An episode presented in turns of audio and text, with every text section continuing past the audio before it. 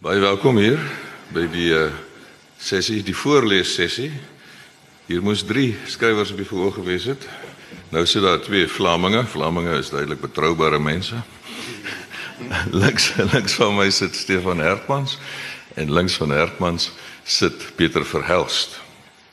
Dis nou al die vierde keer die afgelope week dat ek en Stefan in mekaar se geselskap op 'n verhoog sit. Ehm, um, maar ons gaan dit nog sprankelend hou, né, nee, Stefan? Ehm uh, miskien moet ek net aan die begin 'n uh, kort anekdote vertel om iets te verduidelik. Ek het Afrikaans en Nederlands studeer hier aan die Universiteit van Stellenbosch.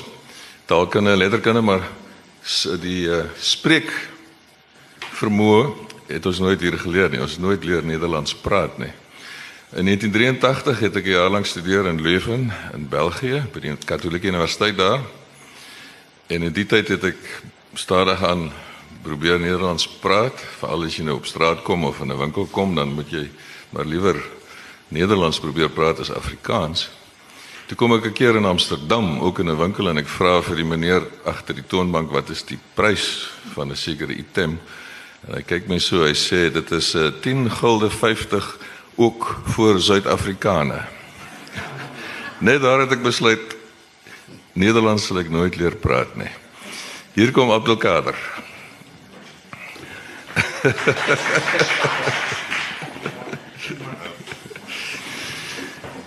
Soos ek gesê die idee is dat uh mense hier die skrywers hulle uit hulle werk sal voorlees, maar eers 'n kort gesprek met elkeen.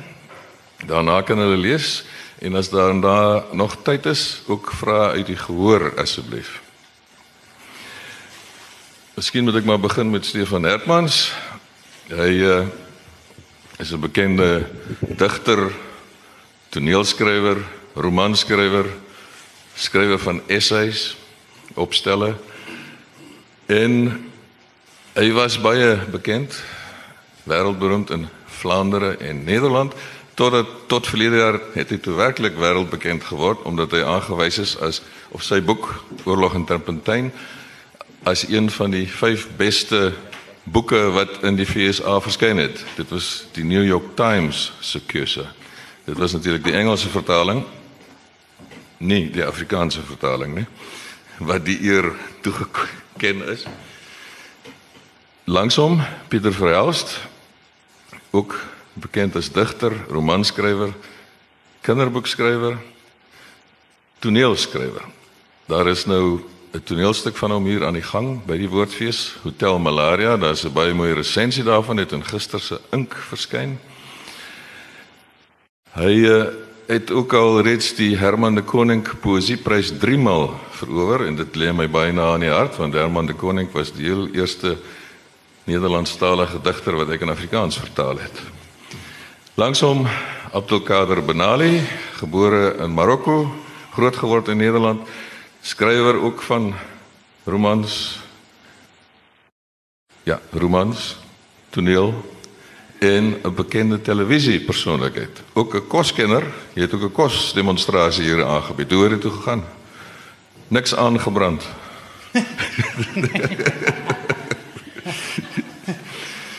nou, Stefan, Ja, ek wil nog een ding gevra. Dit is die tweede keer dat jy in Suid-Afrika is. Die vorige keer was by 'n woordfees 16 jaar gelede. Toe was jy uh, hier as digter gewees. Ja. Ek kon jy enige verandering agterkom in die land in die in die sosiale toestande, ekonomiese toestande. Hallo, goeiemôre. Fijn hier te zijn. Bedoel je of ik vind dat er veel veranderd is? Ja. Ja, ik uh, had mijn vrouw altijd gezegd... als je meegaat naar Zuid-Afrika, dan kom je in Stellenbosch. Dat ligt daar zo'n beetje eenzaam achterin in de velden. Ik herinner mij uh, rust en vrede, zo'n mooie plaats. En ik zei, het, echt, het ligt echt heel landelijk. En wij kwamen hier nu aangezoefd over een vierbaansweg... Uh, stonden in de file en ik dacht, oh, dit is niet meer hetzelfde Stellenbosch van 15, 16 jaar geleden. Dus, dus echt, naar mijn gevoel is het geëxplodeerd. Bovendien ben ik zeer verbaasd over de rijkdom in deze streek. De, de manier waarop al die wijnplaatsen zijn uitgebouwd. Wat een en wat een toerisme dat aantrekt. Dus je krijgt een heel andere wereld. Ik heb ook het gevoel dat de sociale vermenging een stuk meer ontspannen is geworden. Uh, ik besef hoe complex het is en hoe iemand uit Europa moet proberen daar niet te veel over te zeggen. Omdat het veel ingewikkeld is voor onze eenvoudige Europese geest in de samenleving hier. Maar um, de contacten die ik heb, uh, de manier waarop ik ook probeer te luisteren naar hoe bijvoorbeeld bruin mensen Afrikaans spreken, of die accenten verschillend zijn, dat zijn dingen die mij bijzonder interesseren. Ik heb met een paar mensen gesproken over wat mijn vraag was. Zal er een, een literatuur komen die een ander accent heeft? Zonder dat je dan weer apart gaat denken of zo. Maar wat voor nieuws zal dat nog aan de taal brengen? Uh, die taal evolueert heel snel. Die taal is ook bedreigd. Ik hoorde dat men op de universiteiten van plan is uitsluitend nog Engels als doseertaal te, te nemen. Wat een moord op een taal is natuurlijk voor een stuk. Ik hoop dat dat niet, uh, dat, dat niet helemaal wordt doorgezet. Dat voor de Universiteit van Stellenbosch kan vasthouden. Uh, laten we zeggen ook aan de status van een taal hangt af van twee dingen. Of je er schrijvers in hebt en of je er academisch kunt in uitdrukken. Zolang je de wetenschap en filosofie kunt in bedrijven, en zolang je de gedichten kunt inschrijven en, proza kunt inschrijven, is een taal een volledige taal. En natuurlijk moet ze gesproken worden. En ik kan natuurlijk zelf met die twee keer dat ik hier maar was, niet peilen wat is er, wat is er echt drastisch veranderd of zo. Maar ik heb het gevoel dat er een grotere. Ja, het is waarschijnlijk maar één aspect, ik weeg mijn woorden. Maar dat er toch in, in, in, de, in de verhouding tussen de mensen onderling. Uh, dat het meer ontspannen is dan het toen was. Ik vond het toen nog vrij gespannen. Ja, baie dankie. Peter, is dit de eerste keer dat je in Zuid-Afrika komt? Nee, dit is de tiende keer. Ja. Hoeveelste keer? Uh, tiende keer. Ik kom, uh, tiende ja, keer. Ik kom elk jaar een maand of, of drie weken naar Zuid-Afrika. Omdat mijn, uh, mijn vrouw heeft hier een project in uh, Kailicha. Ehm, dus wij verblijven altijd in Kaapstad hebben veel vrienden, uh, ook in Kailicha. En um, het is nu het achtste jaar dat ik uh, het geluk heb om uh, naar het paradijs te komen. Ja. het is mooi, prachtig land. en ik word hier altijd zeer humble, nederig, als ik zie wat er gebeurt. Ook op politiek vlak, sociaal vlak. Um, wat er niet is gebeurd. Um, ik vind het uh, voor, voor een Vlaming is het, uh, ja, kun je alleen maar vol verwondering kijken hoe dit land um, een, een, land probeert te worden met allerlei. Met, ondanks al die ongelijkheid ondanks al die verschillen, uh, ondanks het geweld, ondanks alles en nog wat, uh, zie je ongelooflijke dingen gebeuren in dit land. Dus ik kom alleen uh, genieten van dit en met open mond kijken naar dit land. Dat is wat ik elk jaar doe. Dit is niet de eerste keer dat het toneelstuk van jou bij die woordfeest opgevoerd wordt, nee? Ja, het is wel de eerste keer dat ik het zie. Dus uh, ik heb altijd contact gehad met Martinus Basson via mail. Um, uh, toen ik nog nooit van Zuid-Afrika, toen ik Zuid-Afrika nog niet kende, heeft hij mij ooit een uh, vertaling opgestuurd van Aars. En ik wist niet wat ik zag. Ik, ik kende Afrikaans niet. Ik dacht, wat weird. Weirde taal zeg. Als je het leest. Um, later heb ik het gehoord. Dat is een heel mooie taal. Dus, uh, en nu pas, is de eerste keer dat ik een, uh, een stuk heb gezien geregistreerd door Martinus. Ik heb hem al gezien in België, maar nooit in Zuid-Afrika. Ja. Dus, dat is oké. Okay. Baie dankie, Peter Abdelkader. Het is ook niet de eerste keer dat jij in Zuid-Afrika komt, nee? Nee, niet de eerste keer. Niet, Ho ja. Niet, hopelijk niet de laatste keer. Ik ben hier in uh, 2000 en ik ben hier in, uh, tien jaar geleden op het in Durban geweest, Times of the Writer Festival. Dat vond ik heel bijzonder. En waarom vond ik dat bijzonder? Ik vond het bijzonder omdat wij in Europa, in, het Westen, hebben we de neiging om de dialoog ehm, west, west te voeren. En het zuiden, ja, het zuiden dat is beneden. Dat is de kelder. Dus uh, Amerikanen praten met Italianen, Spanjaarden praten met uh, Canadezen. En als er een keer een Afrikaan bij zit, of een Aziat, dat, dan is het een excuus. Ah, hij mag erbij zitten, hij mag, hij mag ook meedoen. En hier in Zuid-Afrika maakte ik voor het eerst mee dat as Zuid-Zuid heel belangrijk is. Ik kwam in contact met uh, Zuid-Afrikaanse schrijvers van, van, van alle kleuren van de regenboog, maar ook Engelse schrijvers die in gesprek gingen met een schrijver uit West-Afrika. En ik had hier het gevoel in Zuid-Afrika, in Durban, dat het allemaal gebeurde op voet van gelijkwaardigheid. Er was niet een idee van, oh ja, die West-Afrikaanse schrijver, die hebben we er ook maar even bij. Voor de gezelligheid. Om de kleur te geven aan de rest. En dat, dat, dat, gaf, mij, dat gaf mij een uh, gevoel van uh, intellectueel thuiskomen. Ik had echt het gevoel dat, dat, dat die intellectuele, literaire dialoog, dat dat gesprek echt universeel was. Dat er echt sprake was van, van, van wereldliteratuur. En als wij, in, als wij in Nederland zijn of in het Westen, dan, zie, dan, gaan we weer, dan schiet het weer in die reflex van wij zijn het Westen en de rest van de wereld. En in Zuid-Afrika had ik het gevoel dat de wereld aan het kantelen was. Dat hier een andere werkelijkheid is. Met grote gevolgen en consequenties ook voor het debat tussen schrijvers. Je hebt ook een boek geschreven op weg naar Kaapstad. Ja. Waarover, waarover gaan dit? Ja, ik ben in 2009 nog een keer teruggekomen. Uh, toen om een televisiedocumentaire te maken over het wereldkampioenschap voetbal. Dat was toen hier in Zuid-Afrika. Maar wij vanuit Nederland reizen door Afrika om te kijken hoe voetbal eh, de cultuur en, en, en, en, en de gemeenschap vormgeeft. Voetbal als droom, voetbal als economie, uh, voetbal als politiek. Uh, dus we zijn in, toen in Marokko geweest, in Ivoorkust, Ghana en in, en in Kaapstad, Pretoria en, en Johannesburg. En we zijn, ik ben hier op, toen op bezoek geweest bij Kaiser Chiefs in, in Johannesburg. Ja, sorry. En, um, en hier in Kaapstad zijn we naar Robben-eiland gegaan om het verhaal te vertellen van Nelson Mandela en het voetbal. Want wat, wat bleek nou, eh, tijdens de apartheid um, mochten de gevangenen op Robben-eiland mochten, uh, aan sport doen. En uh, wat ze deden was voetballen. Dus ze vormden ook teams. Ja, het is een sokker, nee, een rugby. Nee. ja, ja, precies, sokker. Sokker. Met de voet, niet met de hand.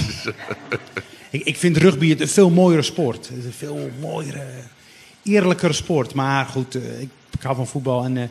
Dat vond ik ook een heel mooi verhaal. Hoe Nelson Mandela zat geïsoleerd, hè, was, zat in zijn isoleercel. Maar hij kon daar wel horen wie er, wie er had gescoord. En, uh, en zo probeerden wij dat, voor, dat verhaal van het voetbal ook politiek te maken. Ja. Dank je, Abdelkader. Misschien wil ik net over Peter vragen. Jij komt zo gereeld in Zuid-Afrika. Het dit al enigszins neerslag gevind in jouw schrijfwerk? Um, absoluut. Uh, ik heb een, een, een, tweede kinderboek geschreven. Uh, omdat ik met een aantal Kossa-mensen gepraat had in, uh, in Kailicha. die mij de, de overgangsrituelen hadden uitgelegd van de jongens hoe je man wordt. Wist ik niet. De initiatie. Weet, weet ik dan eindelijk. Ja. Um, en daar heb ik een verhaal van gemaakt. Maar sowieso, het licht is anders. De, de, je ziet, uh, dat is het belangrijkste natuurlijk, je blik vernieuwt door, door wat je ziet. Uh, door het licht, door hier te zijn. Door, dus het heeft zijn invloed. Ook in mijn gedichten. Je merkt het. Onvermijdelijk. Ja, als, je, als je drie weken per... Dat is een twaalfde van een jaar. Dat is veel. Ja. en zo vermijd ik ook de winter. In, in België, dus ik ben gewoon een vrolijker mens. Ja. Dat is meer zon in jouw poëzie. Ja. Stefan, denk je dat je zal terugkomen naar Zuid-Afrika? Kom je terug? Ehm, ik ben mijn vrouw aan het proberen overtuigen om elk jaar minstens een maand te komen. Peter is aan het helpen om, dat, uh, om de druk op te voeren. Ja. Goed. Kom ons luister wat die mense skryf en hoe dit klink as hulle dit self lees. Stefan, Oorlog in Terpentyn. Daar's 'n passasie daar waar die dit gaan oor sy grootvader, sy oupa wat 'n soldaat was in die Eerste Wêreldoorlog en dan op een moment lê hulle daar in 'n loopgraaf en skielik oorstroom die wêreld reg rondom hulle. Sal jy daardie passasie lees en miskien eers verduidelik waarom die oorstroming? Ja. Ja, het is een onvoorstelbaar voor degenen die het boek niet kennen. Uh, ik heb op basis van de memoires van mijn grootvader, die hij beginnen schrijven is in 1963, bijna 50 jaar na de oorlog. En die hij mij een paar maanden voor zijn dood heeft gegeven. Op basis van die memoires heb ik een roman geschreven waarin ik zijn leven schets. Want hij zelf heeft in zijn memoires heel veel geschreven over zijn armoedige jeugd. Uh, in het Vlaanderen van die tijd. Een grauwe industriestad. Arme mensen die toch heel artistiek uh, uh, geïnteresseerd zijn. Um, een zeer harde jeugd met kinderarbeid in de ijzergieterij. een, een heel bijzondere mengeling van danteske elementen die soms hels zijn. Waarbij ik zelf op een bepaald moment dacht, dat is Dante in een nutshell, zoiets. Zo'n man die enerzijds in, de vuurmond van de ijzergieterij staat als jongetje van 14. En daar staat te huilen dat hij net als zijn vader in kerken wil gaan schilderen. Uh, om een ander leven te hebben. Maar ja, dan komt die Eerste Wereldoorlog. Waar wij in België niets mee te maken hadden. De oorzaak van de Eerste Wereldoorlog is um, de opgedreven spanning van de zuidelijke staten van het Habsburgse Rijk die dan daarna Joegoslavië zijn geworden en weer uit elkaar gevallen. En het ging eigenlijk over de levensraam van de, van de Serviërs. Um, de discussie in Europa ging erover hoe je de Serviërs moest straffen voor de terroristische moord op Frans Ferdinand, de troonopvolger van Frans Jozef. De Duitsers en de Oostenrijkers, het Habsburgse Rijk, die wilden manu militari straffen. Rusland was er uiteraard tegen, want de Serviërs waren hun broedervolk. En omdat Duitsland en Oostenrijk beseffen dat ze Rusland niet klein kunnen krijgen in zo'n strijd, vallen ze opnieuw Frankrijk aan. Maar om Frankrijk aan te vallen hadden ze een plan, het von Schlieffen-plan, dat al in 1908 was uitgedokterd, waarbij ze door België zouden trekken om zo langs het westen Parijs te omsingelen en het Franse leger plat te drukken tegen de Elzas. Dat was het von Schlieffen-plan. Daarvoor moesten ze door België. Dus het Duitse leger stelt een ultimatum aan de Belgische koning. Hij zegt, we trekken door het land, we zullen de schade daarna wel terugbetalen. Op een week zijn we door jullie land. Dat een, een beetje stress voor jullie, maar dan is het weer over. Natuurlijk zegt de Belgische koning, Denk het aan het feit dat België was opgericht in 1830 als een soort bufferstaat tussen het kibbelende Duitsland en Frankrijk die hele machtsstrijd die hier voortdurend was, is België eigenlijk opgericht als het enige land dat in het noorden een Germaans sprekend volk heeft en in het zuiden een Latijns sprekend volk, de Franstaligen, hebben ze die bufferstaat, die grensstaat gesticht. Het is dus vanzelfsprekend dat koning Albert I zegt, no passaran, jullie komen er niet door. De integriteit van mijn grondgebied is door jullie afgesproken. Op dat moment beslissen de Duitsers, goed, die Belgen laten ons niet door, dan zijn ze aan de andere kant. Dan zijn ze op de hand van de Fransen. Bovendien was België toen een eentalig Franstalige staat. Toen zijn de Duitsers België binnengevallen. De Belgen waren totaal niet voorbereid op een oorlog. Dat was ondenkbaar. Ik zeg altijd, ik denk dat die arme Belgische soldaten in augustus 1914 met de mobilisatie naar de Duitse grens zijn getrokken met het idee dat ze nog een keer zoiets gingen doen als Waterloo, weet je? Een soort dodelijke voetbalmatch in de heuvels waarbij de een de andere ploeg omverschiet en men zijn doden telt en zegt dit land heeft gewonnen. Niemand kon voorzien wat een technologische golf aan vernietiging, wat een impact dat op de burgerbevolking zou hebben. Dat is een verschrikkelijke tragedie geweest.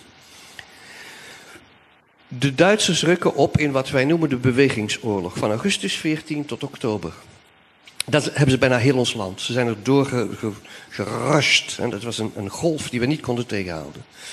Ze wilden zo snel mogelijk in Oostende zijn om daar de Engelsen af te wachten. Want de Engelsen hadden zich inmiddels bij ons aangesloten. En er schiet op dat moment, oktober 1914, eigenlijk nog een heel klein stukje Vlaanderen over. En dat ligt achter de IJzer. En dan gebeurt er iets merkwaardigs. Een van de grote heldendaden in Vlaanderen. Een man genaamd Hans Kogge, sluiswachter. Beslist met een paar van zijn collega's, die dieper op de rivier de IJzer de sluizen beheren, dat ze s'nachts, wanneer de vloed opkomt, de sluizen zullen openen. Met een bootje in het riet zullen wachten. Tot het water in de polders is gestroomd. En daarna, wanneer het weer ochtend wordt, wanneer het eb zou worden, een sluizen te sluitend water tegen te houden. Dat was levensgevaarlijk. Dat was vlak bij de Duitse troepen. Die konden dat in de gaten krijgen, dat, dat die polder overstroomde. Dat hebben ze niet gedaan. Gedurende zes nachten hebben die mannen, onder leiding van Hans Kogge, de sluizen opengedraaid. Dames en heren, het hele Duitse monsterheer zakt letterlijk in de modder. En daar heb je vier jaar de frontoorlog. Hè, waar twee fronten, het front van de Marne in Frankrijk en het front van de IJzer bij ons. Hè. En daar is mijn grootvader vier jaar in die modder doorgebracht. Hè. Ik zeg altijd, stel u voor dat we vanaf morgen met de mensen die hier zitten... Um, in de modder, in de kou, in de temperatuur die wij daar hebben... drie graden boven nul tot min 15 in de winter... dat we daar alleen nog maar drie maanden moeten gaan zitten. Wie van ons overleeft dat? Is het pure hel, zelfs als ze niet geschoten werden. Enfin, heel dat verhaal wou ik vertellen. En het is inderdaad zo dat mijn grootvader een getuigenis aflevert wat betreft dat overstromen van die polders, dat ik eigenlijk nooit bij iemand heb gelezen tevoren. Uh, hij is natuurlijk een eerste bevoorrechte getuige. Hij heeft zijn notities opgeschreven in de loop van 13 jaar. Hij was kunstschilder en hij, hij bootste Velasquez, Rembrandt. Dat hing allemaal in mijn ouderlijk huis. Hij schilderde die grote schilders na. Hm? Dat was zijn manier om te genezen van die oorlogstrauma's. Maar nu, deze man heeft in de loop van 13 jaar die memoires opgeschreven, zonder daar één woord in door te halen. En een aantal van de dingen die hij beschrijft zijn uniek. Ja? En dit is wel, denk ik, een van de meest unieke getuigenissen uh, die een soldaat daarover heeft geleverd. De dagen regen zich aaneen. Wij werden heen en weer geslingerd tussen plots alarm en urenlange stilte, waarin alles pijs en vree leek. Onze artillerie liet het grotendeels afweten. Het had ook geen enkele zin om te vuren. Want ook daar waren de vuurmonden uitgesleten door de hitte. En onze lichte kanonnen reikten niet ver genoeg. Op sommige dagen verhinderde ijskoude mist ook nog elk zicht. S'nachts kwam op de rivier een vlot geluidloos langsdrijven, waarop grote kisten nieuwe munitie stonden. We hadden geen idee hoe het tot bij ons was geraakt. Maar wat we echter de volgende ochtend in de schemer voor ons zagen, sloeg iedereen in de benen. Een massa honden, konijnen, katten, wezels, bunzingen en ratten kwam, de snuiten net boven de waterlijn, als een onwerelds leger de rivier overzwemmen, met hun gevoelige snuiten talloze driehoeken trekkend in het gladzwarte wateroppervlak. De sluizen in Nieuwpoort waren opengezet. En tot in Stuivekenskerken tot in Pervijzen, Tervaten en Schoorbakken liep het land geleidelijk onder water. Het drong langzaam tot ons soldaten door dat hiermee de opmars van de vijand misschien gestopt kon worden. Met bonzend hart keken wij toe. Er werd ons ten strengste verboden op de vluchtende dieren te vuren, omdat het onze positie zou verraden. En zo zagen wij hen de fijnneuzige boodschappers van een vervloekte wereld op de vlucht voor het onbegrijpelijke Armageddon aan land komen. Het water uit hun pelzen schudden, zonder ergens acht op te slaan, langs onze loopgraven rennen, blind op de vlucht als lemmingen. Niemand greep naar de dieren, niemand wilde er een doden om het op te eten, hoe hongerig wij ook waren. Als vermomde engelen van de dag des oordeels verdwenen de doorweekte spookwezens weer uit ons zicht, springend over de in het grauwe ochtendlicht zwart blinkende moddervlakte. Verbluft tuurden wij naar het donkere oppervlak van de narimpelende rivier. In de verte zagen we de vage weerglans van het naderende water en de polders. De commandanten gingen de rangen langs en herhaalden telkens dat de ravitaillering moeizaam zou verlopen en dat we het dagenlang alleen zouden moeten klaren, met weinig versterking van het land achter ons. Het enige wat ons nog werd rondgedeeld waren blikjes sardines en vochtige beschuit. De mannen vloekten en kokhalsten door de combinatie van de pas gedronken koffie met het zout van de sardines. Er werd een verbod afgekondigd ons nog te verplaatsen voor wat men de natuurlijke behoefte noemde. Veesoldaten deden die natuurlijke behoefte overigens al sinds een week gewoon waar ze zaten. Men piste desnoods in zijn broek om het een ogenblik warm te krijgen in de vervloekte ochtendnevel. In de hoeken van onze loopgraven groeide de berguitwerpselen dagenlang aan. Wij probeerden ernaast te kijken. Soms gooide men er een paar spaden aarde over. Maar de doordringende stank zat al lang in onze kop, in onze adem en in onze botten. We leven hier godverdomme primitiever dan holbewoners, zei Leo Carlier. En hij spuugde in de modder. Op een ochtend, een week later, hoorden we plots een kind schreien. Een jongen van een jaar of tien stond op de andere oever. Commandant verbood ons het jongetje op te halen. Carlier zei dat dat een schande was. Hij trok zijn uniform uit. Hij sprong in het water en zwom naar de overkant. Net toen hij het kind de hand wilde reiken, liep het weg. De Duitsers vuurden uit alle monden naar ons. We hadden geen idee van waar. Carlier viel achterwaarts, rolde van de berm het water in, dook onder, kwam pas weer boven toen hij aan onze kant was. Iedereen had dat spektakel ademloos gevolgd. Carlier werd aan land getrokken. De commandant zei dat hij eigenlijk een zware straf verdiende. Maar bij het zien van onze verontwaardiging over de handelwijze van de Duitsers liet hij de zaak zo. Wij werden vervuld van het besef een vijand tegenover ons te hebben die geen enkel moreel scrupule meer kende. Dit soort psychologische oorlogsvoering was nieuw voor ons. Wij waren opgevoed met strenge militaire eer, met moraal, met krijgskunst. Wij hadden sierlijk leren schermen en reddingsoefeningen leren uitvoeren. We hadden leren nadenken over de eer van de soldaat en het vaderland. Maar wat we hier zagen, dat was van een andere orde. Het woelde onze gedachten en onze gevoelens om.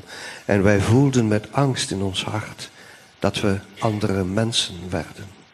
Bereid om alles te doen wat we tevoren hadden geschuurd. Baie dankie. Peter, jy het gesê jy gaan gedigte lees. Ja. Asseblief. Lamento. Voor, uh, ik heb het ooit geschreven voor een uh, Nederlandse dichter, uh, Remco Kampert. Lamento. Nu de avond. Die ene avond toen het licht zo dun. Zo zou vanaf nu de avond zijn en dit het meer waar wij ooit. De houten ponton waar jij nu over het water uitkijkend naar een neerstrijkende vogel. Altijd de laatste kraanvogel die een steen in het water. Het laatste zonlicht. Een zilveren mesdun gevreven op de berg. Hoe je over je schouder, over het water op de houten ponton, het meer waar de kraanvogel aankomt zeilen, het opspattende water.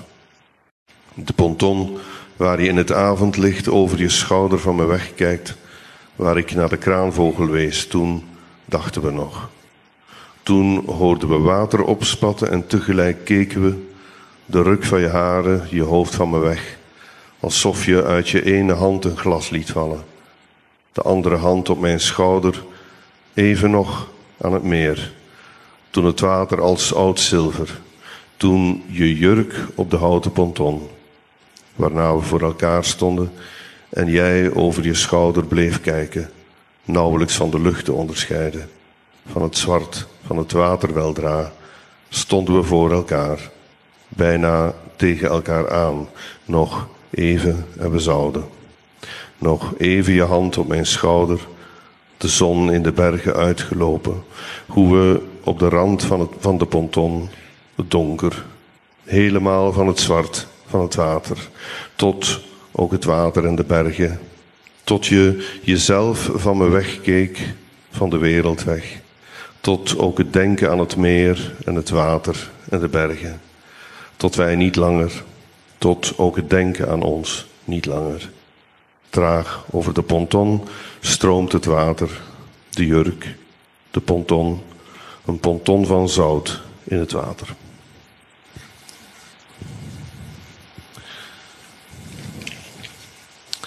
Dan een vrolijk gedicht.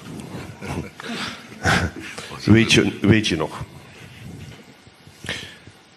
Weet je nog toen we op de toppen van onze tenen, op de rand van een berg, leek het wel. Die keer dat we jubelend, één seconde, niet langer. Enkele millimeters over de rand keken we nooit eerder dan tijdens die onsterfelijke, die ene ongelooflijke trilling, die er achteraf gezien misschien niet eens. Die ene vlam die uit ons opschoot, zeiden we. Of die we hadden kunnen zijn, dachten we. Buiten adem. Die seconde die eeuwig leek, dat dansen, dat juichen. En we de seconde erna al, hoe is het mogelijk, dachten we. En dat we ons nooit eerder zo overvol. Hoe we wisten dat we vanaf nu elke seconde verder.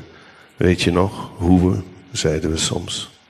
Dat we wisten dat we nooit meer, dat we er altijd aan zouden denken, hoe de lont vanaf nu verder, al maar verder, onherroepelijk, elke millimeter één millimeter dichter bij die andere, die totale vlam, die ons vanaf nu in een totaal andere vorm begon te likken. Nog? Ja, alsjeblieft. Oké. Stop. Nee, nee, nog. Nog. Nog. Oké, twee sonnetten. Als straf. Twee liefdessonnetten. Uh, er zijn er eigenlijk vier, maar ik lees alleen de laatste twee. Het afscheid. Wees niet verdrietig, liefste, huil voor mij. Ik zal je tranen in me laten oplossen. Ze zullen me herinneren aan die andere, die tranen die je heet en blij op me stortte toen je stralend mij doorzinderde.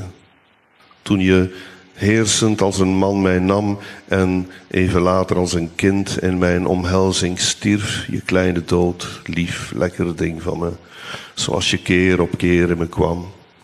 Kijk hoe ik voor je dans, hoe ik met elke lendeslag een letter vorm, kijk goed en lees die letters van me af.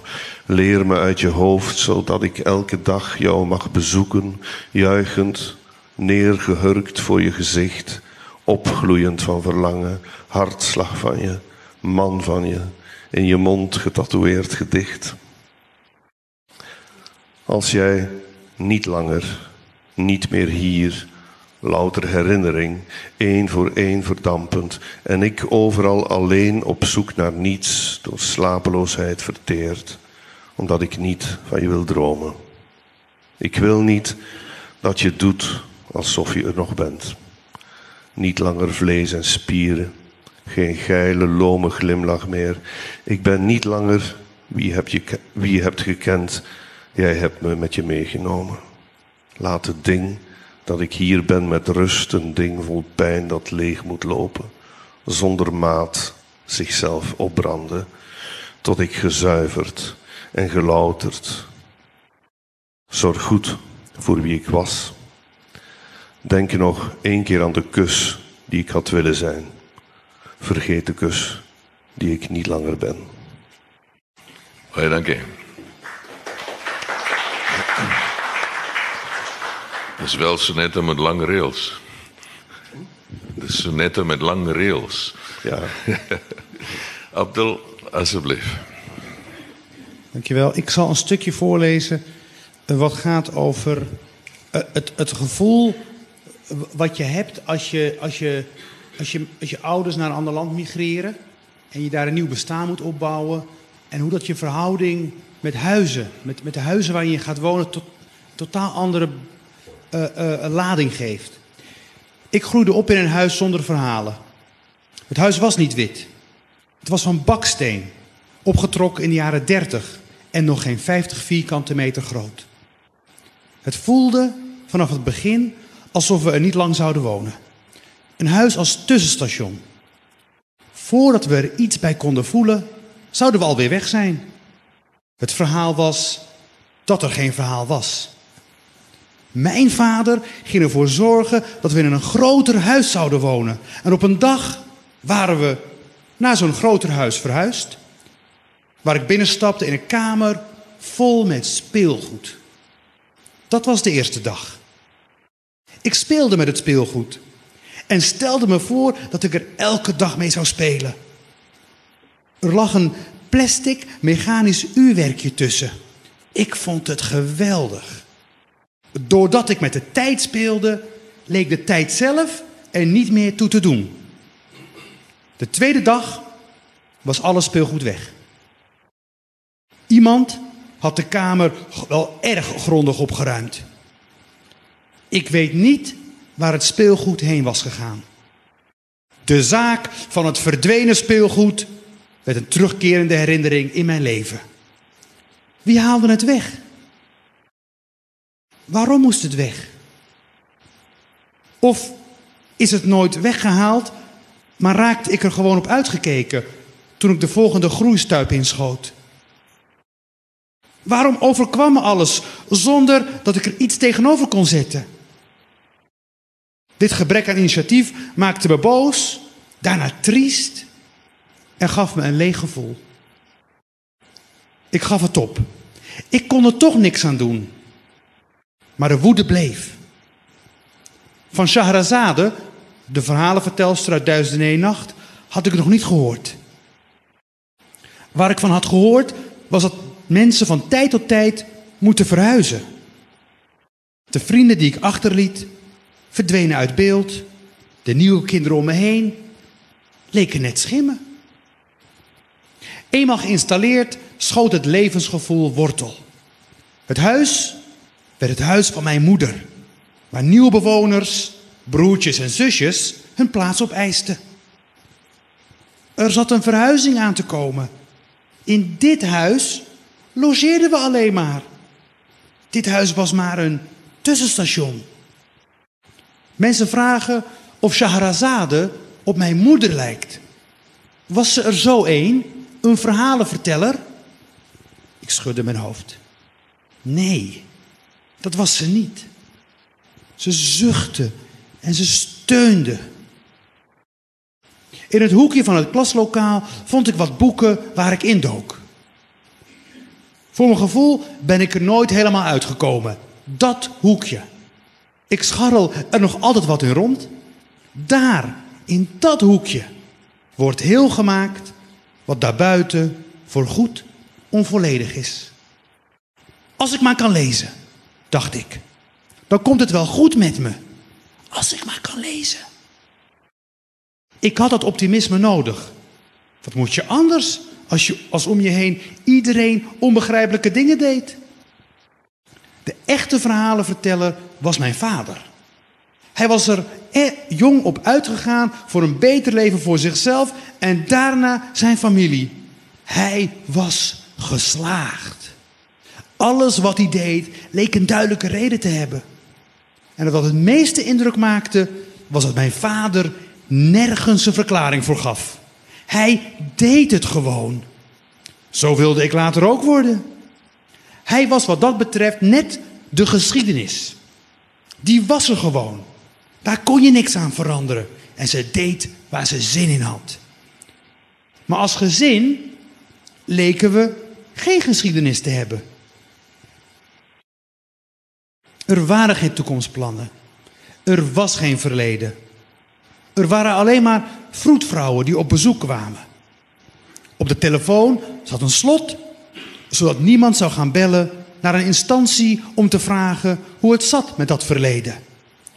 We hadden een telefoonboek en we hadden een Koran. En die lagen op tafel. En niemand sloeg ze open. Alles was er, niets werd echt gebruikt. Wel deelde ik de liefde van mijn ouders voor film. Mijn vader kocht een videorecorder en we keken wat af. De ene film na de andere. De opwe- opwindendste momenten waren de reizen naar de Hindoestaanse videotheek. Die hadden de laatste Bollywoodfilms en karatenfilms uit Hongkong. De spirituele, de verhalen kwamen avond na avond binnen. Het geluid van de videoband, die door het apparaat werd opgeslokt. Waarna het testbeeld verscheen om te veranderen in een boeiende kleurenpracht van karaktervolle schimmen. Onze Shahrazade was de Akai videorecorder. Baie dankie Abdelkader. Dankjewel. Mag ik nog, Ons mag ik nog twaalf gedichten doen? Nee hoor. nee asseblief nee. Nee, nee, nee. nee. ik Ons doe het, ons nog net 5 minute oor. Oh, oké. En ek ek wil graag dat die gehoor ook nog vrae vra. As jy of of jy iets nog één- dringends. ik had nog één kort gedicht over, mijn, eh, over mijn dochter. En eh, ik, ik heb een dochter van anderhalf. Die, die is inmiddels beroemd in Stellenbosch. En ik heb voor het Liegend Konijn, dat is een eh, prachtig Vlaams poëzietijdschrift van meneer Jozef Deleu, heb ik een aantal gedichten geschreven. En meneer Deleu is een interessante man, want hij is net de godfather uit, eh, uit de godfather van, eh, van eh, Coppola. Hij belt je op, één keer in het jaar, en dan zegt hij... Hallo, meneer Benali, mag ik van u vijf gedichten? En dan legt hij de horen neer. En toen heb ik vijf gedichten geschreven. Kent u de, het lettertype Courier New? Het lettertype, dat is, een, dat is een welbekend lettertype... waarin eh, vroeger de kranten werden geschreven, gedrukt. Het gedicht gaat over de Courier New. En over mijn dochter. Als ik je moet vergelijken met een lettertype... dan ben je de schrijfmachineletter Courier New. De geur van nieuws die om je heen hangt. Wanneer je lacht. Telex voor gevorderden. In dialogen ben je ook goed, die niet lang hoeven te duren om lang te blijven hangen. Als de machtige aanslag van een IBM typewriter. Mijn eerste schrijfmachine ben jij. Dankie.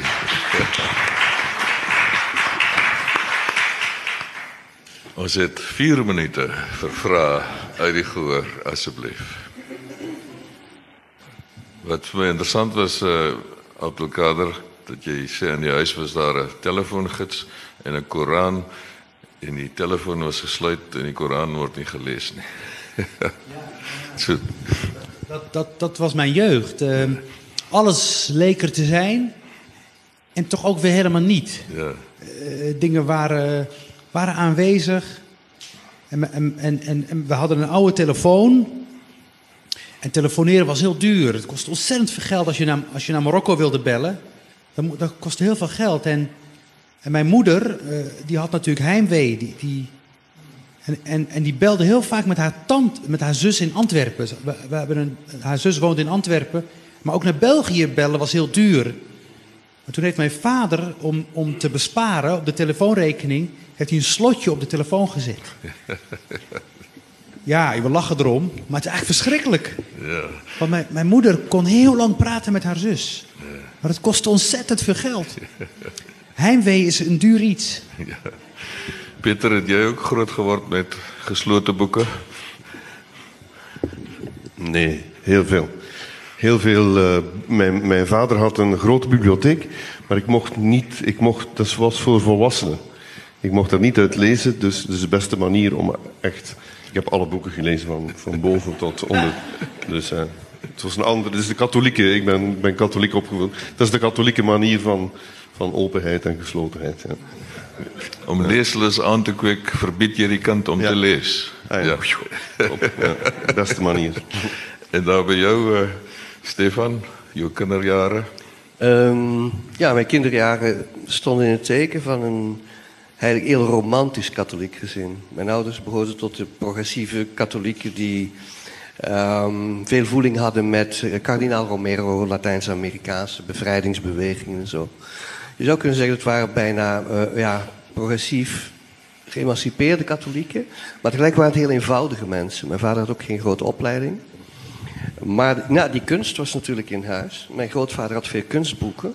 En wat mij altijd opviel als kind, wanneer hij iets wou reproduceren, iets van Michelangelo of zo, want hij schilderde het allemaal heel goed na, dan scheurde hij dat gewoon uit het boek. Dus hij ging van die dure kunstboeken kopen en dan scheurde hij dat eruit. En dan lei hij dat naast zijn uh, palet en dan begon hij dat over te tekenen. Dan trok hij er allemaal ruitjes op. En dan bracht hij met zijn passer al die ruitjes over op het doek. En dan vult nee, dat, zo doen ze dat, hè, kopieën maken. En uh, dus al die kunstboeken, daar hingen reproducties uit. En heel vaak waren dat reproducties van blote madammen uit de 16e eeuw die eruit gescheurd waren. Dus er zat toch een geheim aan de schilderkunst dat ik als jongen van tien toch nog moest beginnen ontdekken. En aan de andere kant had mijn vader een bescheiden bibliotheek. En ik weet nog dat ik op mijn tien jaar was zo'n huis met een, donkere middelkamer. Hè? De typische stijl in de jaren dertig. Dat, uh, er is een Italiaanse schrijver die ooit opgemerkt heeft... kinderen die opgroeien in zo'n huis met een donkere middenkamer... die hebben altijd een idee dat het licht daarbuiten... dat, dat ze daar naartoe moeten. Dat ze een soort ontsnapping, iets mystieks naar dat licht toe hebben. En ik stond in die middenkamer en ik trok een boek... van de volkomen vergeten schrijfster Maria Rosseels uit de kast. Dood van een non. Fantastisch boek. Um, en ik sla dat open en dat is een scène waarin die non een mystieke bevlieging heeft, maar die begint te kotsen. En dat kotsen van die non met die extase. Ik, had, ik werd ziek natuurlijk als kind. Ik werd groen, ik werd onpasselijk. Maar het was zo'n heftige leeservaring dat ik het teruggezet heb en ik dacht, ik ben bang van de bibliotheek van mijn vader. Baie dankie. Catholic old days. ja. Baie dankie aan die drie skrywers uit die Lae Lande, Stefan Herpans, Pieter Verhelst, Abdul Kader Benali. Dit is jammer dat ons tyd verby is, maar julle kom terug. Baie dankie.